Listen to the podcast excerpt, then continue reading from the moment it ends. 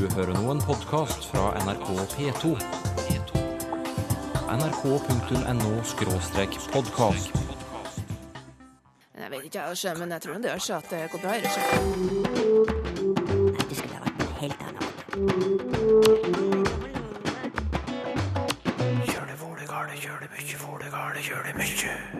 Når en sopp får norsk navn, bør navnet helst være vakkert og interessevekkende. Ja, vi har jo satansopp. Den er jo interessevekkende, kanskje. Alvehette, det er jo et vakkert navn. Vi har glorie klokkehatt. Konjunktiv har vi ikke lenger i moderne norsk, men det fins mange andre måter å uttrykke det tenkte på. til den det måtte angå. Måtte i dette eksempelet. Det sier det at det er ikke sikkert at det her angår noen som helst. Men til den som måtte interessere seg for dialektord. Det var da hodet på en mann som var så sønderslått at det så ut omtrent som en troskbomme. Uventet slørsopp og usynlig barksopp. Hvordan har de merkelige betegnelsene oppstått? Her i landet har vi en egen komité som foreslår soppnavn. Og hvorfor de fant på at sopper både kan kalles uventede og usynlige, det får du snart vite. For også i dag skal vi til arrangementet Oversatte dager, som fant sted i Oslo for ikke lenge siden. Der fikk eh, publikum blant mye annet høre at det er Artsdatabanken som til syvende og sist har ansvar for at alle levende organismer i Norge får norske navn. Derfor har de opprettet ulike navnekomiteer. F.eks. For, for moser, for fluer, fisker eller for sopp. Toril Lønniken Moen er rådgiver i Artsdatabanken. Vi har jo mange tilfeller der det kommer nye arter til landet. F.eks. fremmede arter som kommer til landet. kan være aktuelt å, å, gi dem norske navn for at eh, folk skal få litt mer nærhet til det. Klare å gjenkjenne arten, f.eks. Eller vi oppdager jo stadig nye arter som, i Norge òg, som har vært ukjent for oss. Som kan være interessant å ha norske navn på. Og da er det litt mer engasjement. Og spore blant folk hvis man får norske navn på det, rett og slett. For de vitenskapelige navnene kan være ganske utilgjengelige. Hvilke kvaliteter syns du et uh, norsk artsnavn bør ha? Vi har jo nedfelt noen prinsipper for hvordan man skal utarbeide norske navn, altså helt nye norske navn. Da tenker jeg ikke på de opprinnelige navnene som har vært her veldig lenge. Men eh, noen av de prinsippene er jo som at navnet bør være kort. Det bør være litt interessevekkende og, si noe om arten. Eh, F.eks. hvor den lever, eller hvordan den ser ut, eller hvordan den smaker, eller hvordan den lukter. Eh, vi har jo f.eks. her hundesnuteløpekule. Det er jo en sopp. Den ser jo faktisk ut som en liten sånn lodden klump, som en hundesnute. Så det er veldig beskrivende akkurat du kan kjenne den igjen og fly litt da, rett og slett når du ser den i skogen. Og dermed er vi igjen ved temaet sopp. En veteran i navnekomiteen for sopp er Gro Gulden, pensjonert professor i mykologi. Hun har gitt navn til disse vekstene i over 40 år. Ja, vi, vi ser jo først og fremst på det latinske navnet, da, og ser om det kan bruke det. Oversette det, rett og slett, som oversetter. Men det blir veldig lite oversetting.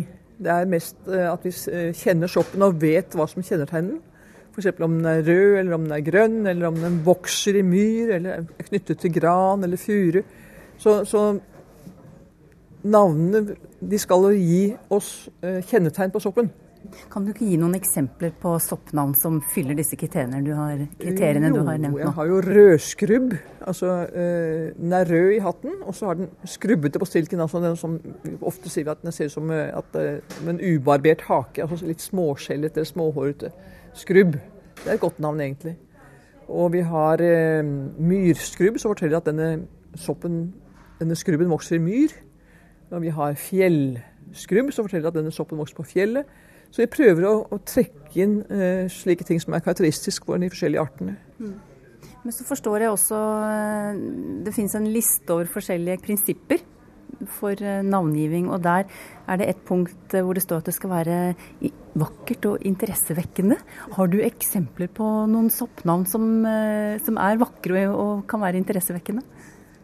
Ja, vi har jo satansopp. Den er jo interessevekkende, kanskje. Hvordan fikk den det navnet? Ja, Det er et gammelt navn. Det er sikkert kommet fra Sverige. Vi har sånne ting som alvehette. Det er jo et vakkert navn.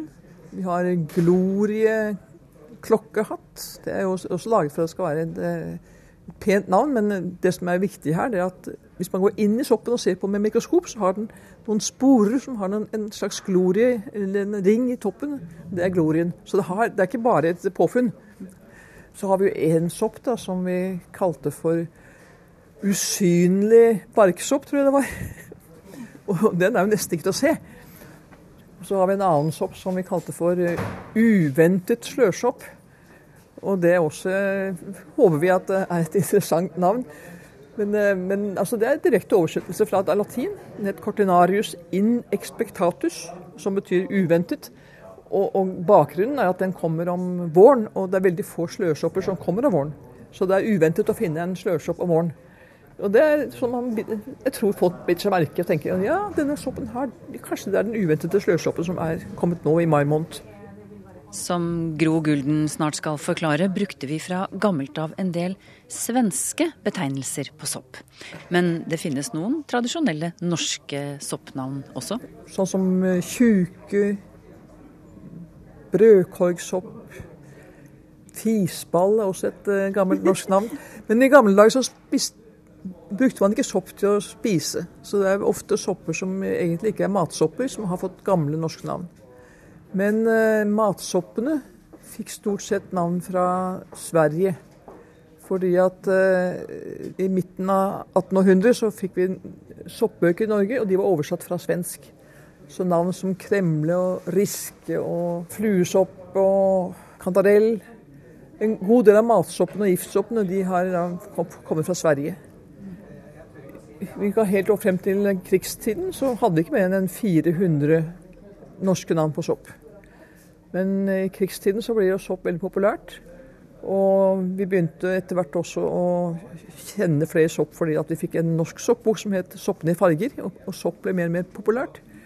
Og så har vi da begynt å konstruere norske navn på de artene som er eh, store og synlige og vanlige i hovedsak, da.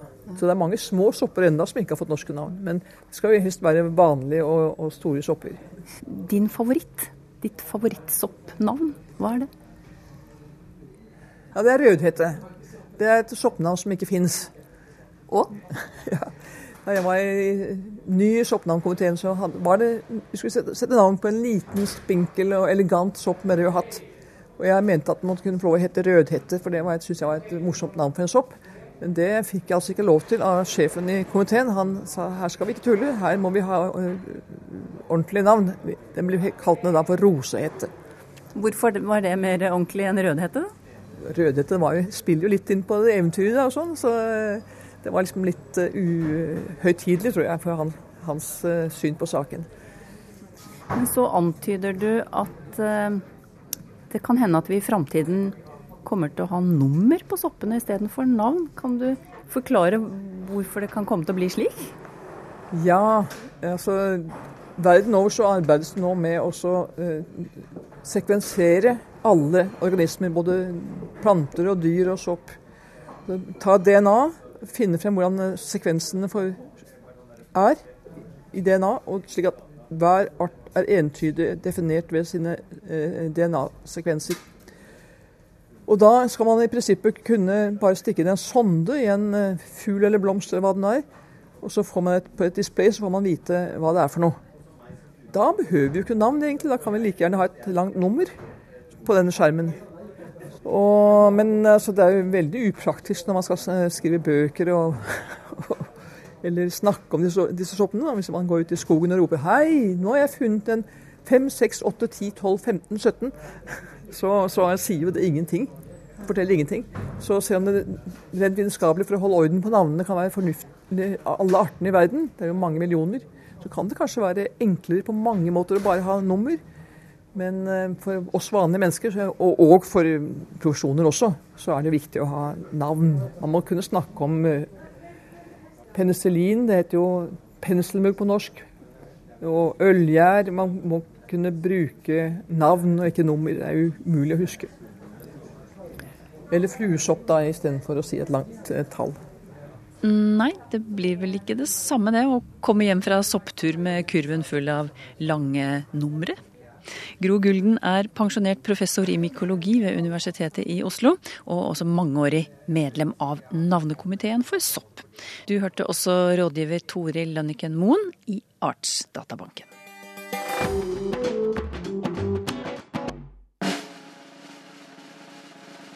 Og nå grammatikk. Nettopp. For når vi snakker sammen, har vi av og til behov for å uttrykke noe som ikke er virkelig, men som er tenkt. Noe som til og med kan være usannsynlig. Vi var inne på det for noen uker siden, og temaet skapte stort engasjement blant lytterne. Derfor plukker vi tråden opp igjen med din hjelp, Kristin Melum Eide. Professor i nordisk språkvitenskap ved NTNU. Når vi bruker språket, hvordan forholder vi oss til det tenkte? Eh, Vi kan tenke på det som at vi som språkbrukere har eh, tre sfærer omkring oss. Og den nærmeste sfæren det er den som er kjennetegnet av det som er virkelig, og det som er nå, og det som involverer meg. Jeg er her nå. Og så har vi en sfære utenom der, som, eh, som liksom betegner alt det som er det mulige. Det lett tenkbare. Og så har vi en eh, ytre sirkel utenom der igjen, som eh, uttrykker det som er veldig usannsynlig, kanskje umulig, kanskje til og med ikke reelt i det hele tatt. Kan du gi to korte eksempler på den midterste og den ytterste sfæren, sånn at vi vet Jo, hva det er du snakker om? Det, det er sånn at f.eks. Når, du- når du snakker med unger, så, og de sier i dag skal vi kjøpe is, de forholder seg til den innerste ringen. Så kan, og så kan du si nei, det, det er bare kanskje, det. Og kanskje det alene kan uttrykke den midterste ringen. Eller nei, det er veldig usannsynlig. Og faktisk hver eneste gang at vi stiller et ja-nei-spørsmål, når jeg stiller deg et ja-nei-spørsmål, nå uh, kommer det her på radioen, tror du, Ann, så sier du kanskje, eller veldig usannsynlig, eller ja. Og da, sånn at da plasserer du det her svaret i en av de her tre sfærene, ut ifra hvordan du vurderer verden. Det er jo noen eh, språk som markerer eh, det tenkte med verbformen konjunktiv, slik vi gjorde i norrønt. Men i norsk har vi ikke konjunktiv lenger, bortsett fra noen rester i eh, bl.a. enkelte dialekter. Så hva slags system har vi da for å uttrykke det tenkte og det usannsynlige? For det første så har vi et sinnrikt system av hjelpeverb. Så hver gang at vi sier det hadde vært slik, og det hadde vært slik, så da er vi i den ytterste eh, usannsynlige ringen. Men når vi sier at eh, det kan være slik, og det er mulig at det er slik, så er vi i den mulige sfæren. Og modalverbene, de er ekstremt eh, hjelpsomme i en sånn situasjon. Modale hjelpeverb. eh, Modale hjelpeverb. Hva, hva slags verb er det? Det er kunne, burde, skulle, ville, måtte. Og da, hver gang at jeg sier at eh, det her bør skje, så har jeg allerede sagt at det er ikke nødvendigvis slik at det skjer. Men i den heldigst mulige verden så er det slik at det skjer. Sant? Det det bør betyr. Og alle modalverbene har en sånn tilleggsbetydning som gir deg ei lesning der det er, det er noe som er tenkt, som er foretrukket, som er mulig, men eh, ikke nødvendigvis helt sant. Det er ikke nødvendigvis slik at det er virkelig i utsagnsøyeblikket, da. Og, og de, det er ekstremt sinnrike betydninger de her modalverbene har. Så eksempel, eh, vi kan bruke dem til konjunktiverstatninger i sånne setninger som eh, til den det måtte angå. Måtte i dette eksempelet, det, det sier det at det er ikke sikkert at det her angår noen som helst. Men i det tilfellet at det angår noen, så er det her brevet stila til den som det da måtte angå. Og likeens kan vi snakke om hendelser. Skulle en slik situasjon oppstå, Og da har vi ikke sagt noe om at en sånn situasjon kommer til å oppstå, eller at den vil oppstå noen gang. Men i det tenkte tilfellet at den oppstår, da skal vi forholde oss slik og slik. Kan du gi et eksempel på hvordan et modalt hjelpeverb eh, på den ene siden eh, uttrykker det tenkte, eh, det som kanskje er mulig, og hvordan vi må bruke det for å uttrykke det umulige? Altså disse to sværene, ytterste sværene som du viste til i sted? Det, det er igjen forferdelig interessant for en språkforsker, da, for du ser at modalvervene virker sammen med tempusmarkering på verbet. Sånn at, Hva betyr det? Det betyr at du markerer for, for nåtid eller fortid. Og når jeg sier at det her kan være en løsning, da er jeg i den mulige sfæren. Men hvis jeg sier dette kunne vært en løsning, da er jeg i den kontrafaktiske sfæren. Nå sier jeg at det her er sannsynligvis ikke en løsning, men i et gitt tilfelle så kunne det ha vært det. Det er tenkbart, men ikke særlig sannsynlig. Og da markerer jeg på den ene sida at modalverbet sier mulighet. Kunne betyr mulighet. Men samtidig så markerer jeg ved hjelp av fortidsformer kunne. På begge verbene, faktisk, både på kunne og vært. Dette kunne vært en mulighet. Når jeg markerer på begge to, så ser jeg at det her er strengt usannsynlig. Så kombinasjonen av de to gir bare ei tenkt og lite sannsynlig mulighet. Nå har du snakket litt om modale hjelpeverb, men er det andre, andre måter å, å uttrykke det tenkte og det uvirkelige på også, enn akkurat på disse verbene? Det finnes ekstremt mange forskjellige markører som uh, markerer her som vi kan som språkbrukere. Fullstendig beherske det til fingerspissene uten at vi i hele tatt tenker på det. Og en sånn ting det er forskjellen på at og om, f.eks. Så at den betegner typisk, ikke alltid, men typisk, noe som er faktum. Mens om det betegner noe som er tenkt, og ikke reelt. Så jeg kan ta et eksempel. Eh, hvis jeg sier det er et stort problem at du kjører så fort. Da konstaterer jeg at du kjører fort. Konstaterer det som et faktum. Men hvis jeg sier det er et stort problem om du kjører så fort, da har ikke jeg sagt noen ting om at jeg mener at du kjører for fort. Jeg sier bare at hvis det skulle være en sånn situasjon, hvis at du skulle kjøre for fort i en mulig verden, da har vi et stort problem. Disse eksemplene du har gitt nå, eh, du har sagt til meg tidligere at de, de er et slags forsikring? Et slags sikkerhetsnett for oss som språkbrukere. Hva mener du med det?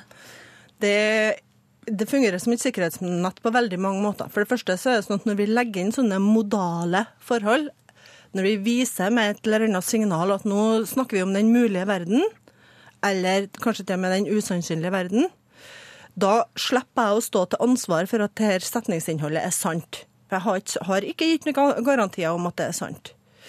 Men en, et annet hyppig brukt område, det er høflighet. Og grunnen til at vi som språkbrukere bruker et sånt sikkerhetsnett når vi prøver å uttrykke oss høflig, det er fordi at dess mer usannsynlig du framstiller denne situasjonen som, dess lettere er det for mottakeren og budskapet å si nei. Sånn at uh, hvis at jeg vil ombestille en eh, teaterbillett, f.eks., så kan jeg ringe til skranken og så kan jeg si det er sikkert helt umulig å få gjort noe med det her nå. Og da kan vedkommende si ja, dessverre, det er helt umulig. Og det er veldig enkelt. Jeg åpner, åpner opp for at vedkommende kan si nei veldig, veldig lett, for jeg har konstatert, konstatert, at det her er lite sannsynlig. Men eh, derimot, hvis jeg, hvis jeg sier det at uh, du kan vel endre på denne billetten, da, da, har jeg stilt opp det som en reell mulighet, og da er det mye vanskeligere for motparten å si nei. Mm. Så vi bruker det her i høflighet, f.eks., og, det, og vi bruker det òg til å forsikre oss mot ansvar. Det sa Kristin Melum Eide, professor i nordisk språkvitenskap ved NTNU i Trondheim. Det blir kveld, og så blir det morgentall, og så blir det enda en tall, hvis ikke jeg blir klein. Tid for lytterbrev, i dag om dialektord, Tor Erik Gjenstad. Først en e-post fra Øyvind Jørgensen. I Vefsen bygdebok har han funnet ordet troskbomme. Hva er det, spør han. Ja, uh, snedig ord. Han, han siterer ei historie her. At det var da hodet på en mann som var så sønderslått at det så ut omtrent som en troskbomme. Og det her ordet her, det er jo ei bomme, det er jo et slags skrin. Matskrin. Du kan ha matbomme og nistbomme og så videre. Og trøskbomme, eh, det er et ord som eh, finnes oppe på Helgeland. Det er ei bomme med en trøsk, og en trøsk det er da en heil vegg, heil rund vegg som er bøyd. Så den veggen er altså ikke laga av staver, som er, er tynn, men, men den er helt tre som er bøyd rundt, og det er det som heter en trøsk. Trøsk er jo bruka om sånne kanter som plasser, så kaller de jo sargen på ei fele for trøsk. Og det blir jo òg litt sånn kant som går i rundt, da. Johanne Alvestad stusser over dialektforskjeller i presens partisipp. Hun har eh, et eksempel her. I Nordland, skriver hun, brukes endelsen anes, mens det på bokmål brukes ende. Slik at irriterende blir irriterende. Og smilende blir smilende. Hvorfor denne S-en til slutt, Tor Erik? Ja, det er ikke så enkelt å, svare på. Du har det òg, ikke bare i presens partisipp, men du har det også i en del adverb. Har du den forskjellen her hoggande god, hoggandes god. Du har den der, og S-en den er jo nokså typisk her, ikke bare i Nordland, men du har det videre sørover. Trøndelag, Nordmør, Østlandet er det ganske mye av det. Og også nede på Agder. Litt mindre av ser det ut at det er på Vestlandet, men du har òg plasser der som henger på den S-en til slutt. Og det er ikke så godt å, å si hvor den kommer ifra. Du finner den allerede i sein norrønt, finner du en form som livandis, for levende, med den S-en til slutt. Og is var vanlig i dansk skriftspråk på reformasjonstida sånne presens partisipper. Der går det igjen. Og det eneste jeg har funnet som har skrevet noe særlig om det der, det er jo de her gamle, gamle gode språkforskerne Hjalmar Falk og Alf, Alf Torp, som skrev inne på det her i ei bok som heter Dansknorskens syntaks. Og de har tre teorier på det. Tre mulige opphav til den der S-en, sånn at det blir smilende og irriterende. altså. Det ene er jo den refleksivforma av verb. Altså typen kalles og møtes. Der blir det jo en S, som kan ha vært ført over. Det andre mulige mønsteret, det er adverb. Vi har en del adverb eh, som har en S i slutten, type avsides, utenlands. Og det er jo gamle genitivs-S-er, da. Og en tredje, det er da uttrykk der du har preposisjon til, som da har styrt genitiv, og, og han vil jo da gjerne vente at styring til preposisjon til skal slutte på en S, og du kan da ha uttrykk som å stå til truandes, få til gjevandes. Så det, det, er flere mulige opphav til denne S-en, og hvis jeg skal komme med et tips, så tror jeg at kanskje akkurat den siste med genitivs, altså med til pluss en presens partisipp. At du har fått inn S-en der, og så har det danna et mønster. Men det der eh, blir jo litt gjetning, da. Men den er iallfall gammel, og, det ser da ut for at den har festa seg mer i, i somme landsdeler enn i uh, andre. Det kan òg være nyanser i de her presens partisippene. F.eks. for eksempel det her levende, da. Uh, der kan det være slik at somme dialekter har levandes, eller lovvandes, med s, og da betyr det i live, rett og slett. Men så kan det hete at her er det levan, eller lovende, og da betyr det levelig. Så det kan være slik at former med og uten s har fått litt forskjellig betydning.